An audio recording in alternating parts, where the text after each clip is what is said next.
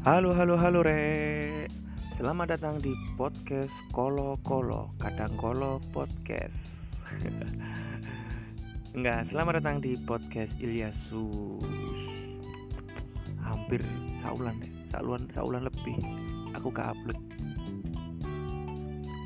Singoniku lah Banyak sekali kendala atau banyak sekali permasalahan Dan juga uh, target yang harus saya selesaikan jadi aku absen untuk upload dan lain-lain.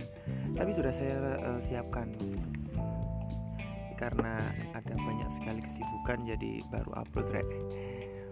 Jadi semoga yang mendengarkan podcast ini para pendengar Ilyasu uh, seger waras lancar rezeki nih cedak jodoh nih. Amin Kali ini saya akan membahas masalah mahasiswa baru eh, juga eh, bukan masalah sih membahas mengenai mahasiswa baru. Kalau masalah mahasiswa baru itu nanti tagline-nya jadi uh, ini jadi mau ngelatih mental kok ospek. jadi gitu yang lagi rame apa yang lagi rame beberapa minggu yang lalu yakni di uh, ospek masa orientasi di salah satu perguruan tinggi negeri Jawa Timur. Jadi sempat rame ya kontroversi sekali dulu sangat mengapa sangat sangat ini bahkan sampai uh, di YouTube ataupun di sosial-sosial media di Twitter itu rame banget masalah ikure masalah ospek yang kontroversi. Sangat kontroversial sekali. Bicara masalah ospek di kampus saya dulu uh, ospeknya udah sih. Jadi iki kare iki rek hmm, wes masuk sudah berjalan dua mingguan secara daring. Jadi mereka kuliahnya online semua. Gak kok zaman kubien zaman kubien merbu langsung wah ketemu karo cewek-cewek nang gedung apa mana gedung ekonomi ya jadi lebih betah gitu riwa-riwi biar di konang kantin gitu ketemu karo cewek-cewek masa-masa kuliah. Jadi selamat untuk mahasiswa baru yang baru masuk untuk tahun 2020 optimalkan tetap semangat untuk kalian. Kalian ini mulai dari babak baru ya. Jadi menjadi mahasiswa gitu wah sangar gitu anda disebut maha atas kesiswaan Anda. Jadi Anda ini punya tanggung jawab yang jauh lebih besar daripada anak muda lainnya. Jadi intinya itu Anda teman-teman semua ini punya kesempatan menurut kalian ini dua kesempatan untuk mengembangkan diri gitu bersyukurlah kalian bisa kuliah ada di luar sana itu banyak sekali yang uh, ingin kuliah tapi ada faktor keluarganya uh, ada masalah atau faktor kuliah karena uang atau karena lain-lain karena keterbatasan mereka. Jadi mereka nggak bisa kuliah itu banyak banget. Eh, kendala-kendala yang menjadikan mereka di luar sana itu nggak bisa kuliah. Jadi bersyukurlah lek kalian itu isok kuliah. Jadi kalian adalah orang-orang terpilih yang mana kalian diberi kesempatan kalian memiliki kesempatan untuk uh, memperbaiki diri meningkatkan uh, skill atau menjadi yang lebih baik lagi itu aku kate ngekek catatan rek. Jadi nek kuliah yo. Anda ini akan kuliah kan? Tolong jangan belajar di ruangan kuliah saja. Kuliah anda itu ada di dalam ruangan dan di luar ruangan itu pasti. Dan dua ini harus uh, kalian pegang. Dua ini itu harus kalian uh, harus seimbang gitu. Jadi uh, anda itu akan masuk rombongan orang-orang yang merugi. Jika kalian itu belajar kuliah hanya di uh, dalam ruangan aja hanya di dalam kelas saja itu kalian akan menjadi uh, termasuk rombongan orang-orang yang merugi. Karena di ujung masa kuliah Anda hanya keluar membawa selembar kertas rek selembar kertas cuma selembar kertas bertuliskan transkrip atau selembar kertas ijazah padahal Padahal yo, masa depan tidak bisa dibuat atau dibangun hanya dengan selembar kertas itu tore. Kak iso kon bangun masa depan itu dengan hanya selembar kertas itu. Temenan, kak iso. Kak iso kalian membangun itu semua dengan salam selembar kertas kalian yang kalian dapat itu selama 4 tahun nggak? Nggak bisa. Jadi nggak bisa. Tetapi ya kalianku harus menjadi manusia baru menjadi yang lebih baik lagi lebih dari sekedar peneliti lebih dari sekedar pengajar tapi anda harus menjadi pemimpin anak-anak muda yang katanya atau anak-anak muda yang kata-katanya langkahnya bicaranya bisa membuat perubahan dan itu artinya belajar dari sekarang gitu deh kalian harus mengukur, kalian harus merencanakan belajar dari sekarang. Satu yang di luar apa ruangan tadi termasuk organisasi dan semacamnya gitu ya, Rek. Jadi belajar itu nggak harus di dalam ruangan. Kalau di ruangan akademik kalian juga harus wajib kuasai itu. Itu di luar ruangan organisasi uh, sosialisasi dengan teman-teman itu juga wajib. Oke lah kita ngopi-ngopi di warung kopi, tapi di, di, di di dalam situ atau kita dapat mengambil kesimpulan dalam pertemuan itu kita bisa sosialisasi, kita bisa saling uh, tukar pendapat, kita juga bisa saling belajar ilmu uh, akademik atau ilmu-ilmu ekonomi sosial yang lain itu banyak sekali uh, ruang pelajaran atau banyak sekali yang hal-hal yang kita dapat di luar bangku kuliah.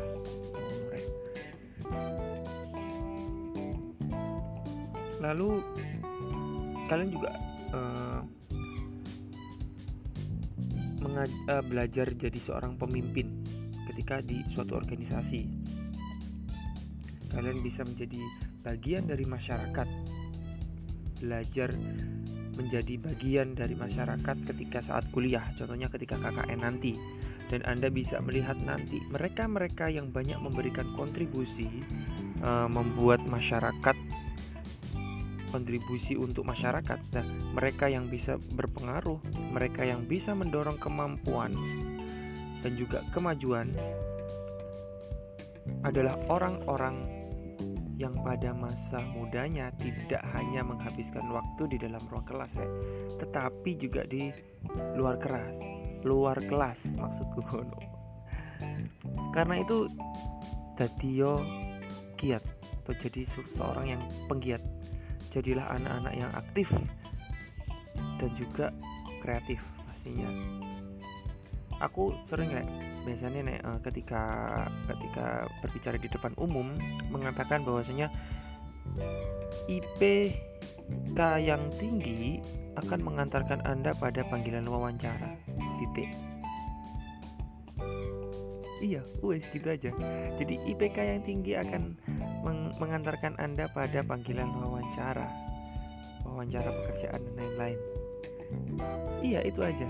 Tetapi kepemimpinan kemampuan untuk komunikasi analytical analytical thinking. Itu yang mengantarkan anda pada masa depan di IPK itu juga penting.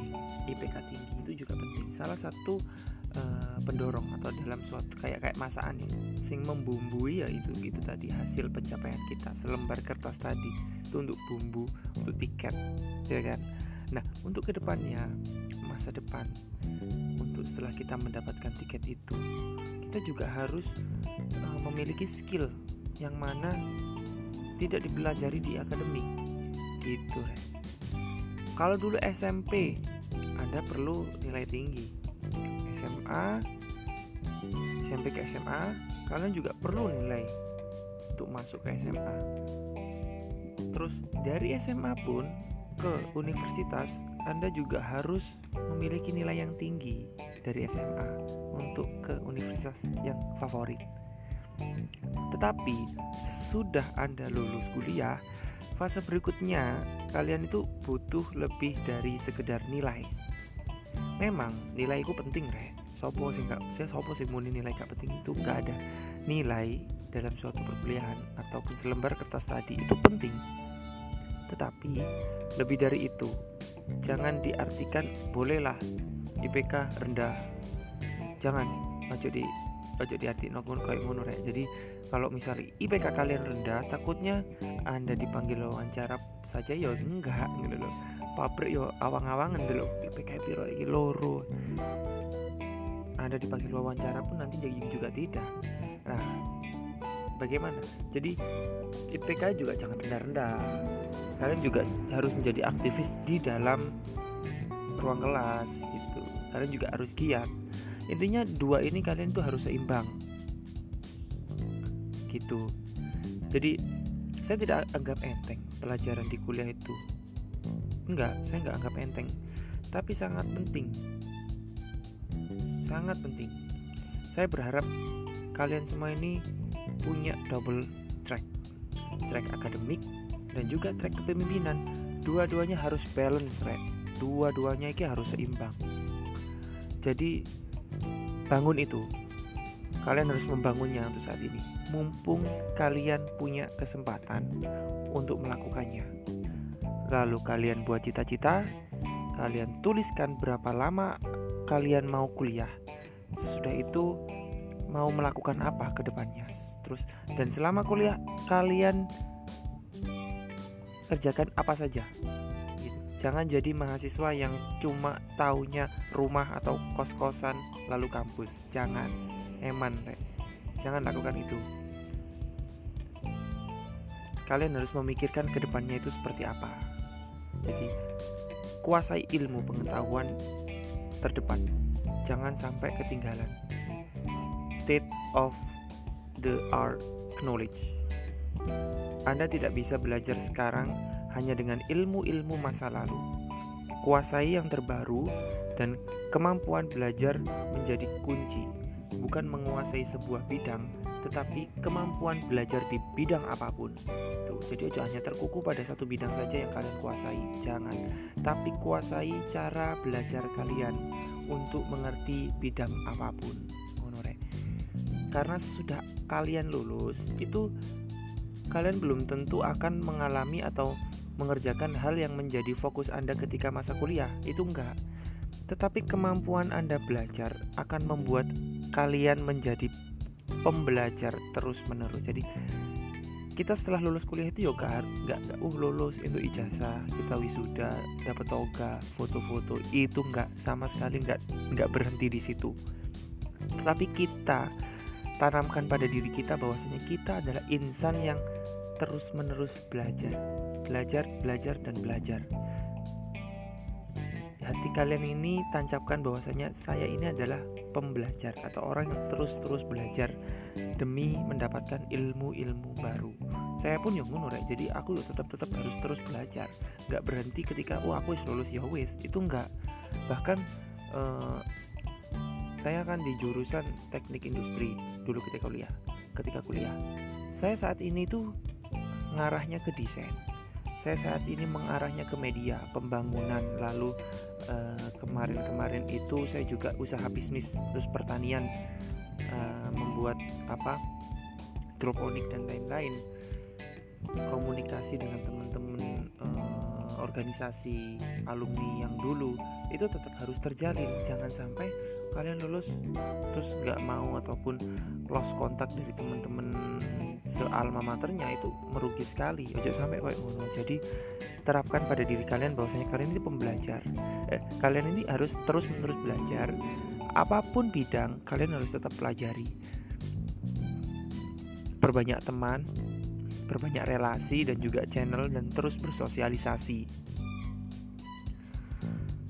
jadi seperti itu. Anda semua, akan memasuki fase belajar fase benar-benar baru.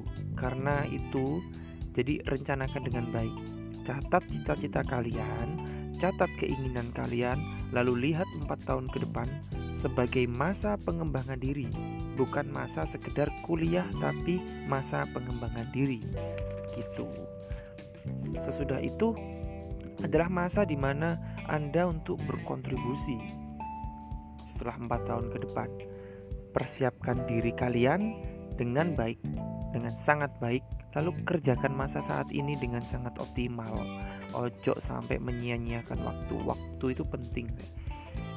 Kalian tidak akan bisa memutar memutarkan uh, memutar waktu kembali itu nggak bisa. Jadi kalau kalian menyesal menyesalnya itu pasti di akhir gak mungkin di awal. Jadi gitu jalan anda jalan kalian semua ini ke depan akan jauh lebih lebar jauh lebih menantang dan kalian akan menemukan simpul-simpul baru keberhasilan yang membanggakan. Jadi gitu deh itu sedikitlah pesan ataupun uh, pembicaraan pembahasan kita mengenai mahasiswa baru ya jadi optimalkan mumpung kalian iki awal-awal mahasiswa baru. Daripada kalian nyesel nantinya semester 4 baru muncul terus uh, baru serius itu jangan ojo sampai seperti itu. Jadi ini buat pelajaran wae untuk teman-teman semua. Oke ikuai yo. Kok ke depan saya akan membahas mengenai permasalahan-permasalahan yang asik untuk diperbincangkan ya. Oke. Terima kasih sudah mendengarkan podcast Ilyasu.